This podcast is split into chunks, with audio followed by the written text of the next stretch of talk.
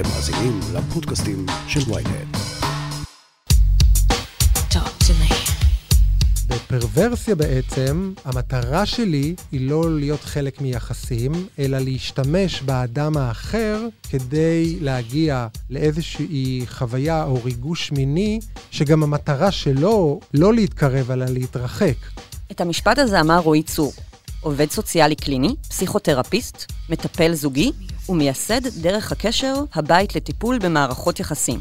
רועי הגיע לפרק מספר 19 של סקס אפיל כדי לשפוך אור על הפסיכולוגיה שמאחורי התשוקה המינית.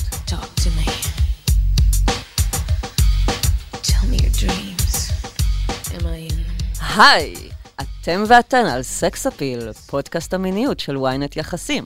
אני לא רשתת מאור, ואיתי באולפן רועי צור. רועי, תודה רבה שבאת. היי לורי, תודה רבה שהזמנת אותי, כיף גדול להיות כאן. וואו. אנחנו uh, הולכים לדבר היום על תשוקה. נושא קשה וחזק ומעניין וגדול. ולוהט וגדול ורחב. Uh, ננסה לפשט אותו כמה שאפשר. אז קודם כל, אני אשמח אם תספר לי מה זה תשוקה מינית. מה זה תשוקה מינית? אוקיי, אז אה, אי אפשר אה, להתחיל אף פודקאסט על פסיכולוגיה, כמו אף הרצאה על פסיכולוגיה, בלי להזכיר את אבי הפסיכואנליזה, נכון? את פרויד. זיגמונד פרויד. את זיגמונד יקירנו. אז אה, הוא דיבר על הליבידו, על התשוקה המינית. הוא ביסס חלק גדול מהתיאוריה שלו, לפחות בהתחלה, על התשוקה המינית. והוא דיבר על התשוקה המינית אה, כדחף שיש לנו, כמו דחפים אחרים. וגם מאוחר יותר הוא הקביל את זה לדחף החיים. אה, הוא אה, השתמש הרבה בארכיטיפים ובסיפורים מהמיתולוגיה היוונית, אז כמובן הארוס מול הטנטוס, מהמם. שזה יצר החיים, או דחף החיים מול אה, דחף המוות. אה, ומבחינתו, הדחף המיני היה דחף מאוד משמעותי שמניע את האדם, ומשהו שבמובנים מסוימים הוא חלק מהגוף שלנו, אפילו זר לנו קצת, וככה שולט בנו. אה, עכשיו, אח- אה, אם, אם, אם אנחנו, אני מניח שאנחנו נדבר אחר כך קצת על אה, בעיות בתשוקה מינית אה, כמובן. בתוך אה, זוגיות, אז אה, נשאלת השאלה, האם, ה, אה, לפחות על פי פרויד, התשוקה היא איזשהו דחף מאוד בסיסי, כמו אכילה ושינה, אז איך יכול להיות שאם אנחנו נשואים 10 ו-20 שנה, אנחנו עדיין אוכלים וישנים באותו, באותה שכיחות, ומה שנקרא הדחף המיני הולך ויורד. Hmm. אז אה, זה, זה סימן שאלה גדול, האם זה באמת אה, דחף או איזושהי חוויה יותר גדולה. Hmm.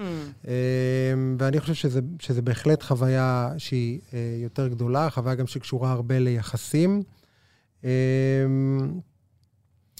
בעברית המילה יצר ויצירה הן באות מאותו שורש. זה אותו שורש, אז, י' אה, צדיק ר'. כן. לגמרי. אז uh, יש, um, אז אני חושב שאפשר לדבר על תשוקה באופן רחב יותר. אוקיי. כלומר, תשוקה כאיזושהי תנועה של חיים, של יצירה, החוויה שאני uh, יכול לפעול על החיים ולשנות אותם, uh, החיבור לאגרסיה במובן הזה. Um, והרבה פעמים באמת אנשים מגיעים uh, לקליניקה ולטיפול שמשהו בדחף החיים, משהו באגרסיה, משהו ביכולת שלהם להביא את עצמם ולכונן את חייהם, נפגע. Hmm. ואפשר לדבר על פגיעה ב- בתשוקה שלהם באופן כללי. אוקיי? אהה. אולי אפילו היעדר תשוקה, אפשר לדבר עליה כ- כדיכאון. אהה, אה, בטח. כי אם אדם לא משתוקק לשום דבר, אז מה המשמעות של חייו בעצם? בדיוק. כלומר, זה, זה, זה משהו, זו, זו חוויה מאוד מאוד משמעותית בחיים שלנו, והיא לא בהכרח אה, דחף, כי אנחנו לא נוכל להסתדר בלי אוכל ובלי שינה, אנחנו נוכל להסתדר בלי הדחף המיני. כן, הדוגמה לכך היא, היא כמובן הנזירים אה, שמתנזרים אה, מיוזמתם, אה, מרצונם החופשי ממין, והם חיים סבבה לגמרי. בדיוק, נכון. ולכן בעיות, אה, אה, בעיות בתשוקה הן הרבה פעמים קשורות לחוויות אה, לא דכפיות או מאוד ראשוניות, הן דווקא קשורות ל... מה זה השתוקקות, מה זה כמיהה, ו- ו- ו- ולתשוקה יש קשר מאוד הדוק לרצון ולבחירה. Hmm. אוקיי, כדי להשתוקק למשהו, אני צריך לרצות אותו. ויש. הרבה אנשים שיש להם בעיה ברצון, בלרצות, אם זה בגלל הפחד שהם לא יקבלו בחזרה, אם זה בגלל אמונה פנימית שלא מגיע להם, אם זה כל מיני בעיות שקשורות לרצון. לכן, אם את שואלת אותי, אם, אם אני ככה צריך לסכם את התשובה הארוכה לשאלה הקצרה שלך, אני הייתי, אמ, אני אוהב להסתכל על התשוקה כקשורה לרצון ולאיזושהי חוויה הרבה יותר רחבה, ולאו דווקא כאיזשהו דחף אה, שפרויד הנחיל לנו, וזה גם נהיה מאוד מאוד פופולרי בתרבות שלנו, נכון? הרי פסיכואנליזה נהייתה מאוד מאוד אה, פופולרית בתרבות המערבית. כן. וכל העניין של לדמות אותנו, נגיד לחיות, כל הביטוי של עופר ארבעה. אוקיי? הרבה פעמים מתייחסים למיניות כמו מיניות חייתית. כן, כמובן. ואני חושב שלא כדאי להסתכל על זה רק באופן הפיזיולוגי, אלא הרבה בהקשר של... של הפסיכולוגי, של יחסים, של מה קורה לנו עם התשוקה במהלך החיים. תשוקה מינית יכולה להיות אה, בריאה ותקינה, והיא יכולה להיות לא תקינה. הרי אם אדם יש לו תשוקה בריאה, הוא לא יבוא אליך כמטפל. נכון. אבל uh, הוא יבוא אליך כשמשהו נפגע. אז מה זה תשוקה מינית בריאה, ומתי יש איזושהי בעיה בתשוקה המינית? מתי היא לא בריאה? אוקיי, okay, אז, אז אגב, רצוי לומר, נגיד, אני עובד סוציאלי קליני, אה, אני עוסק בטיפול פרטני וזוגי, אני לא עוסק בטיפול מיני. בעבר, כשהגיעו אנשים לטיפול מיני או למטפלים מיניים, אז הגיעו, הגיעו בגלל כל מיני בעיות שחלקם, הוא, המקור שלהם היה באמת פיזיולוגי, אוקיי? אבל אני חושב שהיום, בגלל שאנחנו גם עידן מאוד מאוד אה, אה, פתוח, או בתקופה מאוד פתוחה ופלורליסטית, אה, בדרך כלל מגיעים גם למטפלים מיניים אה, נושאים, אנשים עם תלונות של... של תשוקה, בדיוק על דבר שאנחנו מדברים עליו, שבדרך כלל הבעיות, אם זה בעיננות או וגיניסמוס או שפיכה מוקדמת, ב-80% מהמקרים הבעיות הן באמת פסיכולוגיות ולא, המקור שלהם הוא לא פיזיולוגי, אבל חשוב לומר שאם אנשים יש משהו שקשור ל...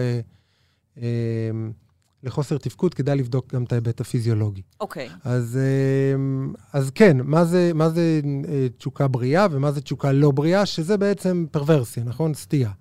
אז תשוקה בריאה זה שהתשוקה, או הליבידו שלנו, משרת את היחסים. אה. אוקיי? אתה כי... יכול לתת דוגמה? אה, כן, כי אנחנו, אה, אני לא יודע אם דוגמה, אבל אולי להסביר את זה, נחשוב אחר כך על דוגמה, אבל נסביר את זה בצורה אה, אה, טובה יותר. אה, בני אדם לא משתמשים בתשוקה המינית שלהם בעיקר כדי להתרבות, נכון? רוב הפעמים שאנחנו מקיימים יחסי מין לא, לא יוצאים מזה ילדים. כן. אנחנו לא קתולים. בדרך כלל אנחנו משתמשים בזה לשני דברים, לעונג mm-hmm. וגם לקרבה. זה דבר שהוא מאוד מקרב. Mm-hmm.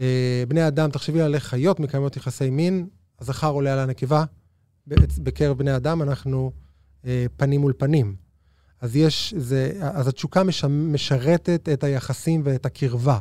וכשהתשוקה משרתת את היחסים ואת הקרבה, אז היא... אז היא בריאה. אז היא בריאה, נכון? אה, כי היא אה, אה, איזשהו ערך מוסף, נגיד בנוסף על, על, על ביטחון בקשר והערכה, מה שנקרא הצרכים הנרקיסיסטיים שלנו, יש לנו את המיניות, שזה, ה, נקרא לזה הצלע השלישית, והיא הופכת לאיזשהו משולש של יחסים.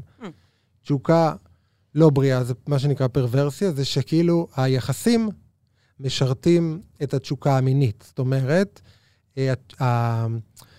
בפרוורסיה בעצם, אני, המטרה שלי היא, היא לא להתקרב, היא לא, היא לא להיות חלק מיחסים, אלא להשתמש באדם האחר כדי להגיע לאיזושהי חוויה או ריגוש מיני, שגם המטרה שלו היא פסיכולוגית בסופו של דבר, אבל המטרה שם היא הרבה פעמים, היא הפוכה, היא להקטין את הפגיעות באהבה, להקטין את ה... דווקא להקט...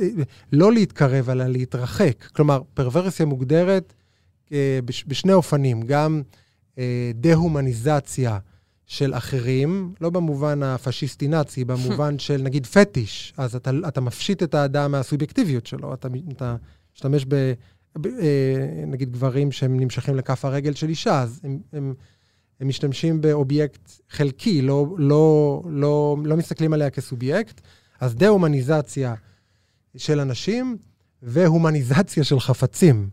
אני קורא עכשיו ספר מאוד מעניין של פסיכואנליטיקאית בשם דניאלה כנפו, שנקרא The Age of Perversion. אוקיי. Okay. ויש לה, היא מקדישה שם פרק, היא כותבת גם הרבה על החיבור בין, אה, בין טכנולוגיה ל, לאהבה ומיניות, היא מקדישה שם פרק על אנשים שבוחרים, גברים, אה, לחיות, לא רק לקיים יחסי מין, לחיות עם בובות. אה, עם עם רובוטים בובות, היום. כן, וזה. עם רובוטים, או כן, עם כן. בובות, או עם כל מיני... אז גם העניין הזה של אה, הומניזציה של חפצים, ושתי הגישות האלו בעצם נועדו להסתכל על התשוקה או על האדם האחר באופן שהוא חלקי, כדי להקטין את הפגיעות שיש באהבה. עכשיו, איזה אנשים יש להם נטייה יותר אה, פרוורסית? בטח אה, אנשים אה, שנפגעו בעבר, והם לא רוצים להיפגש שוב, אז הם... מדויק. הרבה פעמים פרוורסיה יש לה מקור בטראומות uh, של יחסים, וטראומות זה לא צריך להיות בהכרח דברים גדולים. אנחנו מדברים על טראומות, uh, אתה יודע, כשאנחנו מדברים על טראומה, אנחנו מדברים, נכון, על הלם קרב או אונס, או כל מיני דברים מאוד כלל, מאוד נכון, גדולים. אבל נכון. יש גם טראומות של אה, לא ראו אותי, או הקטינו אותי, או היה אה, משהו... בעצם בפסיכולוגיה, כל מה שלא אה, עובד בצורה טובה בגוף, הוא הפך להיות טראומה בעצם. כן, כלומר, אם יש שם איזשהו... בכלל, בפרוורסיה, שנועדה לתקן את חוויית הטראומה, יש הרבה פעמים אלמנטים של אה, אגרסיה, אוקיי? מישהו פעם הגדיר אה, פרוורסיה כאירוטיות של השנאה. מעניין. אה, אז, אז יש שם תוקפנות, יש שם השפלה, יש שם אה, דה-הומניזציה. כלומר, אבל כל יש... הדברים האלה הם, לא, הם בלא מודע, נכון? זאת אומרת, אנשים לא מודעים להתנהגויות האלה. או... אה, בדרך כלל זה לא מודע, בדרך כלל הם גם אנשים לא מבינים למה מתנהגים באופן שהם מתנהגים.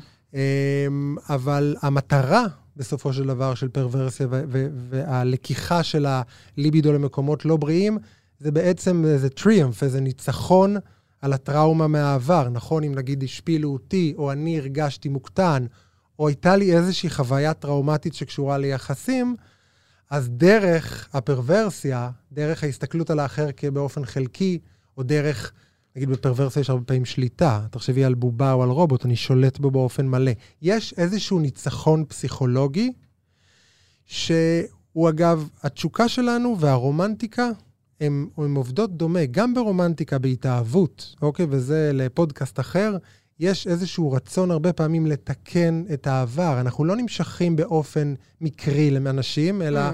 יש, אה, כלומר, הלא מודע שלנו מכוון אותנו לאנשים מסוימים, הרבה פעמים כדי לתקן את העבר. מהמם. אותו דבר בפרוורסיה, אותו דבר באירוטיקה, אה, זה איזשהו ניסיון לתקן משהו שהתקלקל. מעניין. ו- אבל צריך להגיד משהו על פרוורסיה. אה, פרוורסיה זה בעצם, או סטייה, זה סטייה מהנורמה. עכשיו, האנושות מתפתחת דרך סטיות מהנורמה, גם האבולוציות. אוקיי, לכן, וגם אני וגם את, לורי, אנחנו קצת סוטים. לא, אנחנו לא חייבים לגלות למאזינים שלנו בפודקאסט באיזה אופן, אבל כולנו סוטים וגם הן. השאלה כמה זה סוטה וכמה זה נוקשה, כמה זה רק זה... וגם מה זה אומר להיות סוטה, וגם מה זה, כאילו, לא, במובן, ה... במובן של סטייה מהנורמה. כן. גם אני ואת, יש לנו סטיות מהנורמה, אוקיי? אם אנחנו נחשוף פה את הפנטזיות המיניות שלנו, או נדבר על דברים שאנחנו אוהבים, השאלה באיזה אופן, כמה זה שכיח וכמה זה נוקשה. אנשים שהם מה שנקרא באמת פרוורטים, הם בדרך כלל מאוד מתקשים ביחסים תקינים, Mm. אוקיי? באינטימיות, בקרבה, ביכולת להיות פגיע, והם בדרך כלל עושים רדוקציה להתנהגויות פרוורטיות מסוימות. מהמם. אוקיי, זה לא שחור ולבן, כן. שלא פתאום איזה מאזין יישב ויגיד, וואו, אולי בעצם אני פרוורט. לא, זו סקאלה, ומותר להיות פרוורט. לא להיות פרוורט זה קצת משעמם. אוקיי, אז יש לך עוד דוגמאות ל- לתשוקה מינית שאינה בריאה? אז בואי ניקח דוגמאות קלאסיות, לא, אתה יודע, אפשר לדבר על פטישים וכל מיני דברים באמת אה, אה, ככה מוזרים, אבל אפילו אה, אדם שעוסק בכיבושים. הוא כובש, ממשיך, כובש, ממשיך, כובש, ממשיך. אה, אגב, יש שוני בין הפרוורסיות של גברים ונשים. אצל גברים זה באמת הרבה פעמים מול האחר, ואצל אישה הרבה פעמים זה יותר הולך פנימה. יש שם יותר מקום של פגיעות עצמיות והתכנסות פנימה.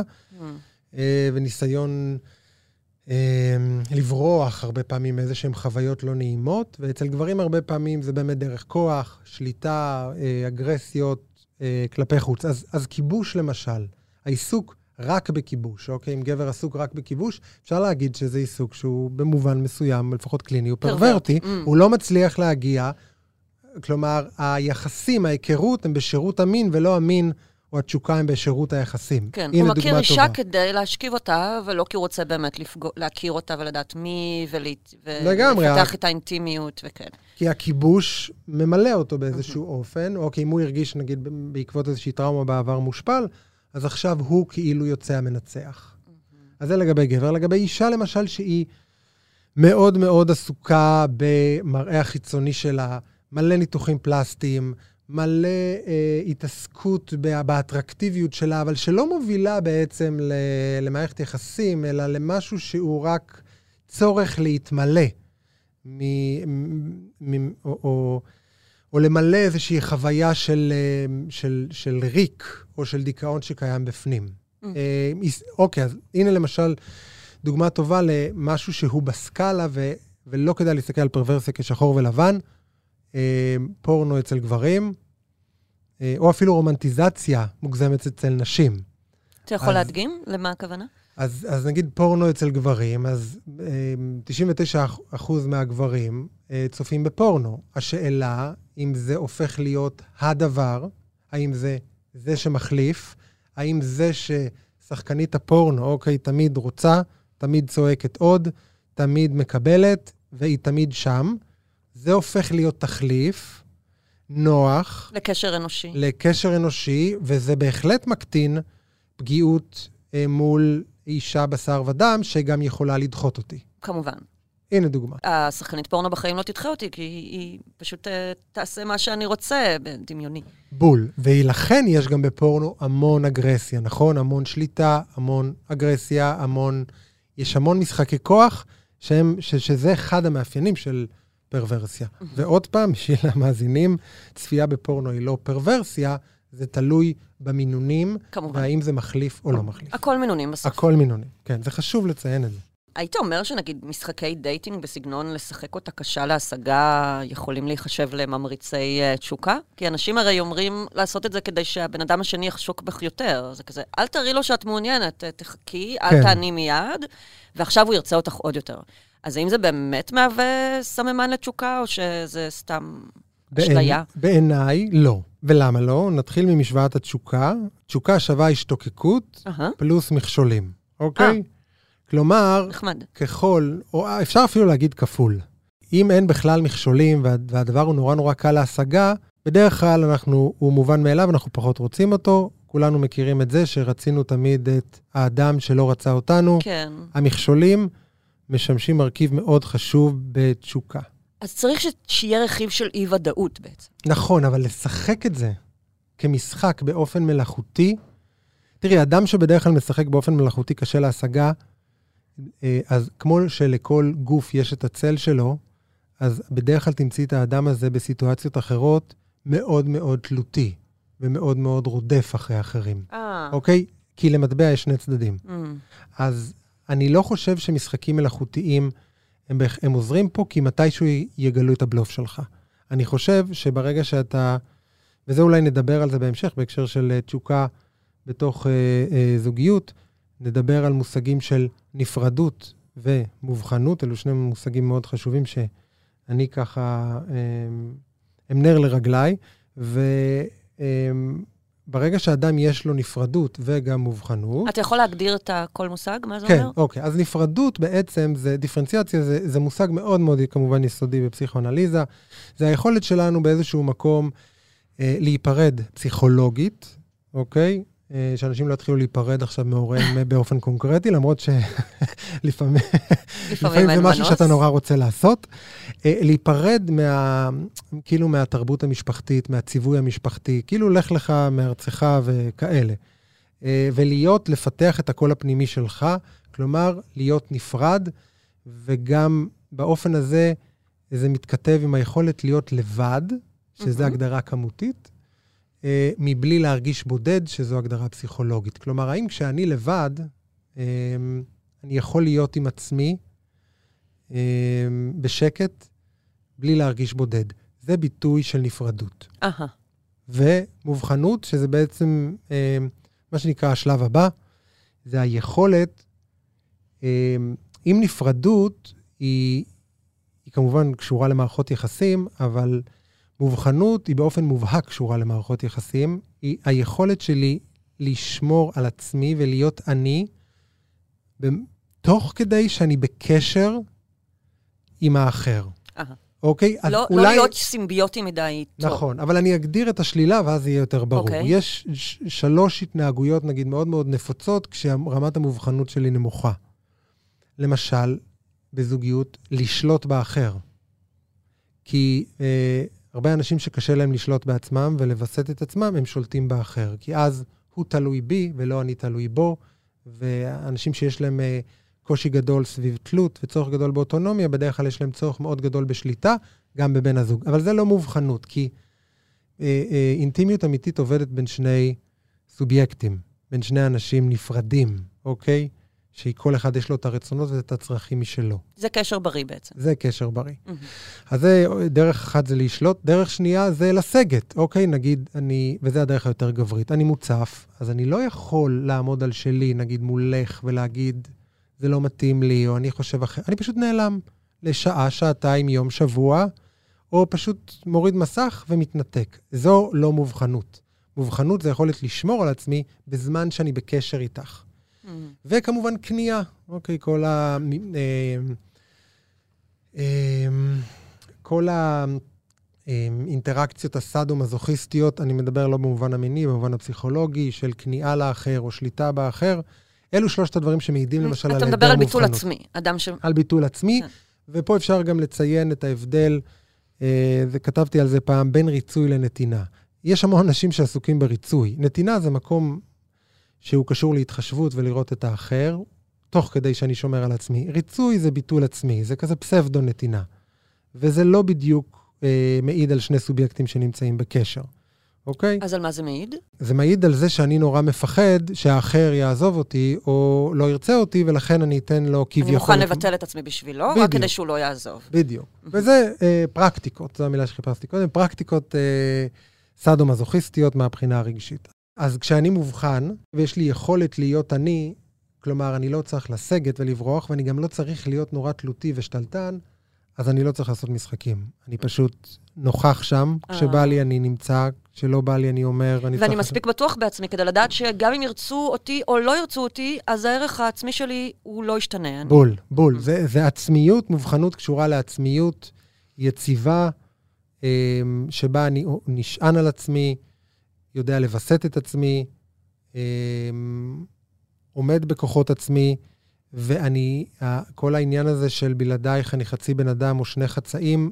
זה... בלעדייך בדיוק. אני חצי בן אדם. לגמרי, זו אשליה רומנטית, זה טוב בשירים, זה על הפנים בתוך זוגיות. אנחנו. צריכים לבוא כסובייקט שלם, מלא, זה גם מעיד על תלות נוראית. לגמרי. בלעדיה אני חצי בן אדם, אז מה לגמרי. זה אומר עליי בעצם? לגמרי.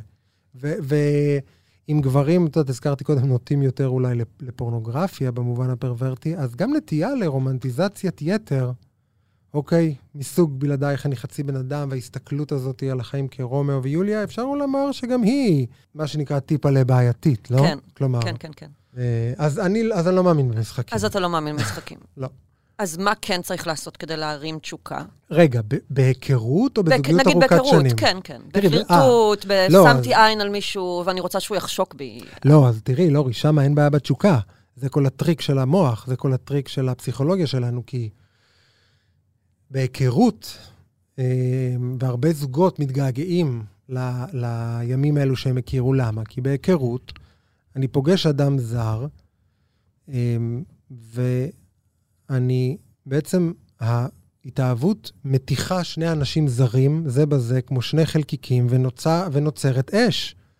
לא צריך לעבוד קשה. תיארת את זה כמו המפץ הגדול או משהו. זה ממש מפץ, יש ניצוץ ויש בום, ולא צריך לעבוד קשה, וזה נהדר, ואז יש, יש כל מיני סוגים של אבל סקס. לפעמים כן צריך לעבוד, לעבוד קשה. אם נגיד שמתי עין על מישהו והוא לא יודע, אז אני כן צריכה לא, לגרום לא, לו לרצות. זה נכון, אבל once הוא רוצה, ואת רוצה, זה יקרה. Mm. כי יש אה, תשוקה, היא זקוקה למרחב, לחוסר ודאות, אה, ללא ידוע, ללא מוכר, נכון? היא, יש לנו בעצם שני צרכים דיאלקטיים בתוך זוגיות. יש לנו צורך בביטחון, ויש לנו צורך בריגוש ובחדשנות. כן. אז אנחנו, יש כל מיני סוגים של סקס, נדבר היום על, על שני סוגים עיקריים שמתכתבים עם זה. אז הסקס הראשוני הוא מה שנקרא fucking, נכון? על מהמם. להזדיין, כן. כאילו זה נורא כיף להזדיין עם אדם חדש. הטינדר, בגלל זה הוא פורח מזה, כי שם יש תשוקה, לא צריך לעבוד קשה. מה קורה אצל הרבה זוגות? לא אצל כולם, אבל אצל חלק.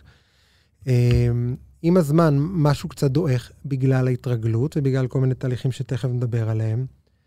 אם אדם לא יודע לייצר אינטימיות וסקס שנובע גם מאינטימיות, שהוא יכול להיות איטי יותר, שקשור למפגש עיניים ולמגע ולשילוב של כל מיני פנטזיות ושל היכרות עמוקה, כן.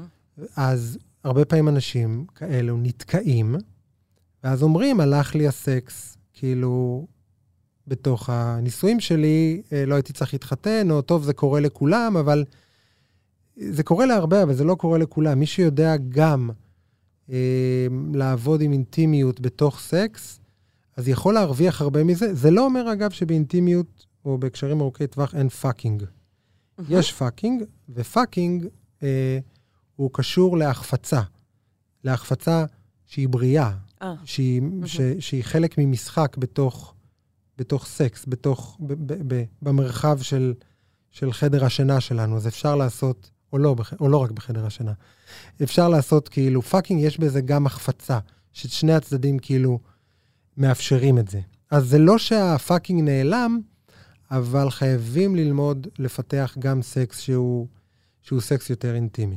תשוקה במערכת יחסים ארוכת טווח לא קשורה לדחף, היא קשורה לחוויות פסיכולוגיות יותר גבוהות, בעיניי, לרצון.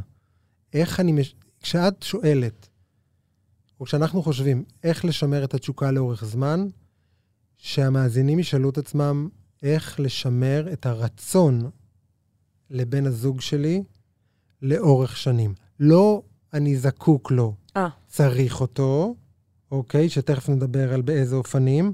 איך אני רוצה אותו, כי בהתחלה, כשאת תיארת את הבחור בבר, את רק רצית אותו. כן. את לא זקוקה אה, לו, נכון. ואת לא צריכה אותו. אני רוצ... כן, נכון. אני, אם אני נמשכת אליו ואני רוצה לממש איתו משהו, אז אני... בדיוק. אני, את רוצה אותו. אני רוצה אותו. בדיוק. עכשיו, אה. תשוקה שווה רצון, ורצון שווה בחירה, מהמם. אוקיי? כי אני. בוחרת לבלות איתו את הלילה. בדיוק. או... אז Mm. אה, בתוך מערכות יחסים ארוכות, כשבני זוג מתחילים אה, לאט-לאט להתקרב, ואמרנו שיש לנו צורך בריגוש וצורך בביטחון. אז כן. אנחנו מקימים משפחה, ומחברים את חשבונות הבנק, ועובדים בעבודות מסודרות. נכנסים לשגרה, בקיצור. נכנסים לשגרה, ושגרה צריכה יציבות וביטחון. כן. ואש וריגוש ותשוקה, במובנים רבים צריכים את ההפך. מהמם. אוקיי? אז לאט-לאט התשוקה מתחילה להצטמצם, אבל... אמ, זאת הסיבה לירידה בתשוקה לאורך השנים בקרב זוגות מונוגמיים בעצם. כן, זה מזכיר לי את הספר של אה, אה, סטיבן מיטשל, פסיכואנליטיקאי אה, ידוע שנפטר, שהוא כתב ב"האם האהבה יכולה להתמיד", אה, ספר שתורגם לעברית, על זה שאנחנו באופן אה, מכוון זורקים את התשוקה מהחלון במערכות יחסים ארוכות טווח, כי זה יציב ובטוח. אנחנו לא רוצים את הסערות של ה...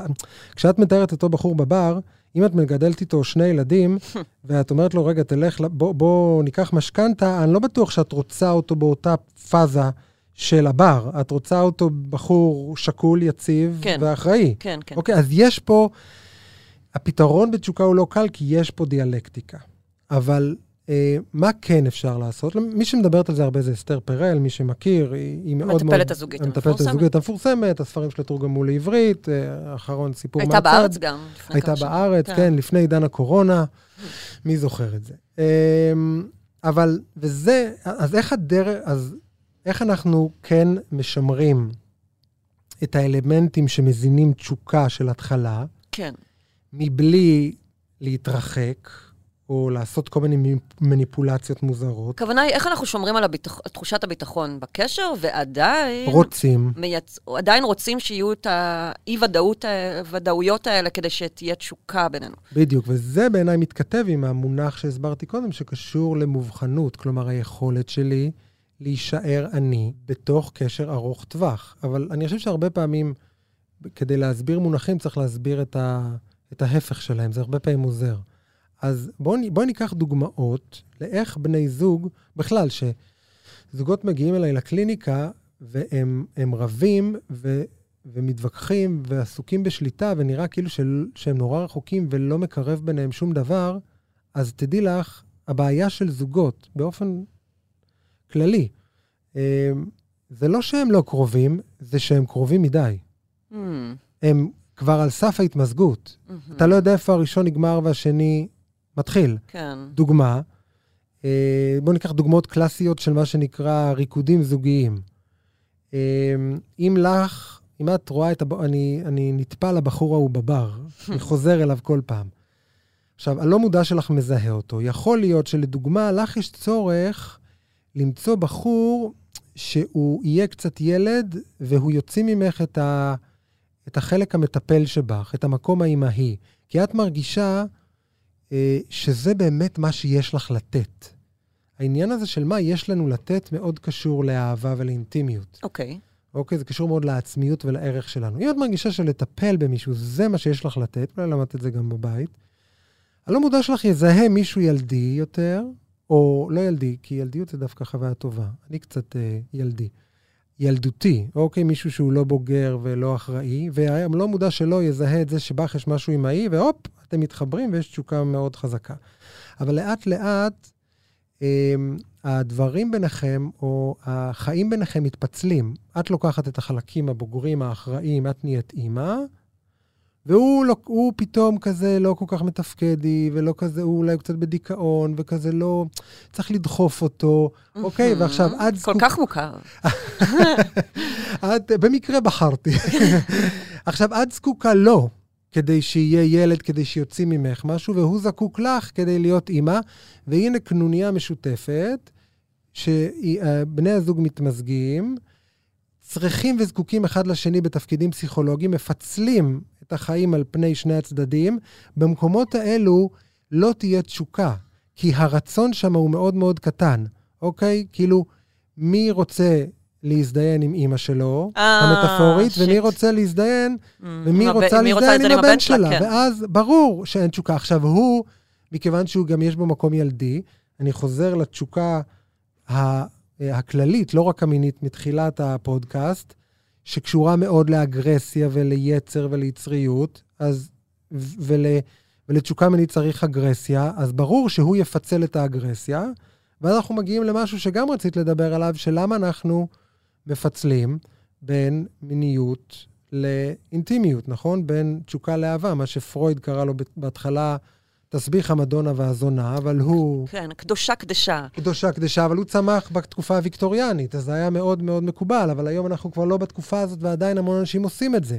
הם עושים את זה, כי יש משהו זה בתוך... זה קורה להמון גברים גם, שברגע שאהובתם uh, הופכת להיות אימא, ההסתכלות שלהם עליה משתנה. בדיוק. ואז הם, מתחיל, הם פחות נמשכים אליה מאיך שהם נמשכו אליה פעם, אפילו פחות רוצים לשכב איתה. נכון, ואפשר לומר, מפחדים יותר מהאישה שלהם. זה לא רק העניין הזה של כאילו אימא, ואז זה מצטבר, זה אפשר להגיד אולי קצת התקופה של, זה הקדושה קדשה. כאילו, אימא ומה, וגם זונה וזה. אני לא חושב שאנחנו כל כך שם, אני חושב שכשאתה קרוב מאוד למישהו, ואתה תלוי בו, לא במובן של אתה תלותי, אלא אתה תלוי בו, אנחנו נשענים על אנשים, והוא מכיר אותך מאוד מאוד טוב. יש המון המון פגיעות באהבה. ברור. ואז ת, תחשבי על זה. הכי הרבה. לגמרי, אני, אני מדבר על זה בהרצאות שלי, תחשבי על זה. אמ, זוג נשוי, שהגבר, אה, נגיד, עובר ברחוב, רואה חנות מין, נכנס, קונה אה, שוט וביריות. מגיע לבת הזוג שלו אחרי עשר שנים, אומר לה, תראי מה קניתי, והיא אומרת לו, כי גם היא במקום, כאילו, האימהי, אומרת לו, איכס, כאילו, תכניס את זה... איכס, סוטה. סוטה, בדיוק. עכשיו... תתבייש לך. בדיוק. עכשיו, אם הגבר לא מובחן, אז הוא כאילו, וואי, שיט, אני מכניס את זה לתיק, לא מזכיר את זה לעולם. אם הגבר מובחן, שומר על העצמיות שלו, אומר, סוטה, בדיוק בגלל זה הבאתי את זה, כי זה, אני רוצה לעשות איתך דברים סוטים. עכשיו, אבל למה נתתי את הדוגמה הזאת? למה? כי אה, אה, הרבה יותר קל לבוא למישהי או למישהו שהכרתם כרגע בטינדר, ולהציע לו הצעות מגונות. מגונות, כי למה? כי זה הרבה פחות פגיע. אם הוא יגיד איכס, אז יש בטינדר עוד עשרה אנשים אחריו. כן, אז נעשה swipe שמאלה ונמשיך הלאה. בדיוק, ולכן באופן פרדוקסלי, ככל שיש יותר ביטחון בקשר, יש פחות ביטחון להכניס מה שנקרא שאריות, דברים ששני הצדדים רוצים וחושקים, אבל נורא נורא מפחדים. כי ה- המובחנות נורא קשורה לאופן שהאחר רואה אותי. העין של בת זוגתי אחרי עשר שנים היא הרבה יותר מפחידה מהעין של זו שהכרתי כי לרגע. יש לה הרבה יותר משקל, כי יש לי הרבה יותר מה לאבד עכשיו. בדיוק. בדיוק, נכון. ובכלל, הרבה אנשים ש... את יודעת, הרבה אנשים אבל זה לא תהליך טבעי שקורה בעצם לכולם? כן, לגמרי, אבל אנחנו- זה חשוב לשים אותו על השולחן. הרבה פעמים אני אומר למטופלים שלי, ש, שהם רוצים להציל את הקשר שלהם, שהרבה פעמים כדי להציל קשר, אתה צריך להיות מוכן לוותר עליו. מה זה אומר? זה מאוד קשור למובחנות, במובן של אני יכול לעמוד על שלי, אני יכול לחזור להיות אני, אני יכול להיות חי, אני יכול להקטין את העין של בת או בן הזוג שמסתכלים עליי, גם אם זה יעלה לי בקונפליקטים וויכוחים ואיומים, אוקיי? ואז יש סיכוי שאני לא מת בקשר, שאני חי מחדש. כי Mm. למה? אנשים אוהבים וחושקים ומעריכים אנשים שאוהבים וחושקים ומעריכים את עצמם, קודם כל. ואנחנו מאבדים את זה בתוך קשר בגלל הפחד, שגורם לנו לשלוט, לסגת, להיכנע. אנחנו אנחנו כל כך מפחדים לאבד את. השני, שעד שאנחנו בעצם הורגים במו ידינו את התשוקה. זה מה שאתה אומר. לגמרי, לגמרי. ובהתחלה, למה יש תשוקה? כי אנחנו לא מפחדים לאבד אותו, כי מי אה. סופר אותך, מהמם. אוקיי? אין... ככל ש... וזה מה שעצוב, ככל שהרבה פעמים דווקא יש יותר ביטחון, זה לא הביטחון שעוזר לבני זוג אה, לקיים יחסים של, נגיד, של אינטימיות, אוקיי? של, של קרבה, של שיחה אמיתית בתוך סקס, של, של המתנה. זה לא רק fucking, זה לא רק לזיין, כן. אלא זה making love. כן, כן, כן. והרבה אנשים לא יודעים how to make love, כי יש שם איזשהו מין חוסר נעימות כזה של... אה, אני עושה עם הבן זוג הזה כל כך הרבה דברים אחרים, אני כל כך מכיר אותו, הוא כל כך חי לידי, הוא כל כך uh, מסתובב לידי עם הטרנינג המהוע שלו. בקורונה בכלל. אוי, העבודה מהבית זה נורא, צאו מהבית, כאילו, אי אפשר כל הזמן, 24-7, להיות עם אותו בן אדם. חייבים מרחב. אז אסתר פרל פותרת את זה באופן שהיא פותרת את זה. אוקיי, שהוא? היא, היא אומרת, אה, אה, אדם צריך שיהיה לו עולם פרטי משלו. ותס... זה הנפרדות. אני- זה כאילו, כן, זה כאילו, היא מתכתבת עם המונחים האלו. היא, אה, היהדות פותרת את זה דרך נידה, אוקיי? כאילו, לא לגעת תקופה מסוימת. וה- וה- והגישה שאני מציע, אוקיי, של, של באמת מובחנות, שהיכולת לשמור על עצמי, זה איך להיות קרוב, אבל לא להיות קרוב מדי. בל- כלומר, לא לאבד את עצמי, ולהיות אדם אטרקטיבי שהאחר ירצה אותו. תעשו את עצמכם כאלה שבן הזוג תמיד ירצה אתכם. הכוונה לטיפוח עצמי. זה, את יודעת, זה בכל הרמות. זה גם טיפוח עצמי, זה גם אה, שיהיה לי עולם משלי, שיהיו לי חברים, שיהיה, שאני לא רק תלותי בבן הזוג שלי, ש, שאנחנו יכולים לעשות דברים בנפרד. שאם בן הזוג שלי אומר לי לא, אני לא נהרס מזה. שאם בן אה. הזוג שלי רוצה לעשות דברים לבד, אני לא... ממוטטת. כן, לגמרי. אמ, שאני לא עושה מניפולציות על בן הזוג שלי, שאני לא שולט בו, שאני לא עושה כל מיני דברים. כי, כי ברגע שאני מנסה להקטין את הפגיעות באהבה, אני חונק את התשוקה. כלומר, דווקא תדחפו לפגיעות. אותה, אותה אחת שמה, ש, ששאלת אותי, אותי לגביה, האם לעשות משחקים. אל תעשי משחקים, כאילו, תעמדי מולו פגיעה. כן, זה מפחיד, יכולים לדחות אותי, כן, כן. יכולים לא לרצות אותי. יש הבדל, את יודעת, בין גברים, למה הם הולכים לפורנו? נורא מפחדים מבנות זוגם, במובן של הם רוצים סקס, ובנות זוגם הרבה פעמים נותנות להם סקס רחמים, שזה גם דבר שהוא נורא עצוב, כי זה לא מעיד על מובחנות גבוהה. לא, זה סקס של ריצוי. בדיוק, זה סקס של ריצוי. אם, תראי, אם לא בא לך, את אומרת, לא בא לי, אבל אני רוצה לענג אותך, זה סבבה. מהמם. אבל סקס רחמים זה לא בא לי, אבל אני עושה את זה בכל זאת. כן. אוקיי? זה לא מקום טוב. אבל אדם שהוא שומר על העצמיות... זה גם ניתוק רגשי כזה, זה כזה, מה זה, מה זה סקס רחמים? זה כזה, אוקיי, אני אשכב, תעשה מה שאתה רוצה, אני, אני פשוט... אה, מסך. נשמתי על- תעלה למעלה בינתיים, ואני אחזור. בדיוק, לגמרי. ו- אבל אם ניקח גבר שהוא כאילו חושק בבת הזוג שלו, אבל, וזה גם הסיבה אולי שחלקם הולכים לפורנו, הוא, אסתר פרל אומרת שהסקס הבא מתחיל רגע אחרי שהסקס הנוכחי מסתיים. Mm. בהודעות, היא מאוד מדברת על. זה, אבל נגיד אני... אני, אני נשים אני, ממש צריכות את זה, אבל זה נכון. ה- ה- איש- אישה רוצה שגבר יחזר אחריה. נכון? היא רוצה שאם היא יוצאת היום לדייט, אז, אז שהדייט יתחיל בצהריים כבר דרך החלפת הודעות. נכון, ורגע, אבל שנייה, מכיוון שמישהו פה צריך לייצג את העמדה הגברית או את הצד הגברי, מה גברים רוצים? מה? באינטימיות. אוקיי, הם, אז אולי הם פחות רוצים שיחות נפש, נכון? נשים הרבה. פעמים... חבל, נשים הרבה... מה, מה, מה נשים אומרות? למה אתה לא מדבר על הרגע... למה אתה לא מרגיש יותר? שזה שטויות, כי גבר מרגיש מאוד. או וגבר יגיד, המקבילה המתנשאת של למה אתה לא מרגיש יותר, זה אולי תהיה הגיונית. אוקיי? כאילו, נשים הן לא הגיוניות. אהה. אוקיי? אמ, אם אנחנו לא הגיוניות, אז ברור שאנחנו נהיה היסטריות, זה בא ביחד. בדיוק. גברים רוצים הכרת תודה הרבה פעמים על כל, הד... על, על, על, על כל מה שהם עושים, על זה שהם כאילו נושאים באיזשהו אופן את, ה... את, ה... את הפרנסה על כתפיהם, ו... והרבה פעמים חסרה להם מילה טובה, מהמם. והם גם מביעים את, הס... את האינטימיות שלהם הרבה פעמים לא דרך שיחות, דרך סקס. אז הם ניגשים יותר לנשותיהם, ואז, וזה מתכתב פה עם מובחנות, האישה אומרת, לא בא לי. עכשיו, בדומה לאותו גבר שקונה בריות ושעות, אם אני ממוטט מזה שלא בא לי, הופ, אני הולך לפורנו. כן, ו- וגם לאורך זמן אתה תפסיק לנסות גם. בול. אבל אם אני אומר לך, למשל, נגיד את לא רוצה, ואני אומר לך, אבל אורי, את עדיין בעיניי, אה, לא בא לך, אבל תדעי לך שאני חולה לך על התחת, את נורא נורא סקסית, ואני מנסה מחר, ומחר את אומרת לי, לא בא לי, אבל אני אומר לך, את יודעת, אבל את נורא יפה היום, ביום השלישי סביר להניח שתרצי. Hmm, כי אני לא מפחד, אה, והערך העצמי שלי, וזה גבוה. מתכתב עם מובחנות, לא תלוי, הוא תמיד תלוי קצת באחרים, אוקיי? אנחנו לא סופרמנים. אבל אתה גם לא חי בריק, אז... בדיוק, אבל הוא, יש גבול לכמה שהוא יהיה תלוי בערך העצמי שלך. וברגע שאני שומר על המובחנות שלי, ואני מזין את הערך העצמי שלי, אני יכול לבוא, לבוא אלייך יום אחר יום, לנסות, להציע, לשוחח איתך על הפנטזיות שלי, להגיד לך, בואי, בואי נצא, נלך, נעשה. אני יוזם, אני לא מפחד, אני לא צריך את השחקנית בפורנו. רועי צור, תודה רבה לך. רק התחלנו.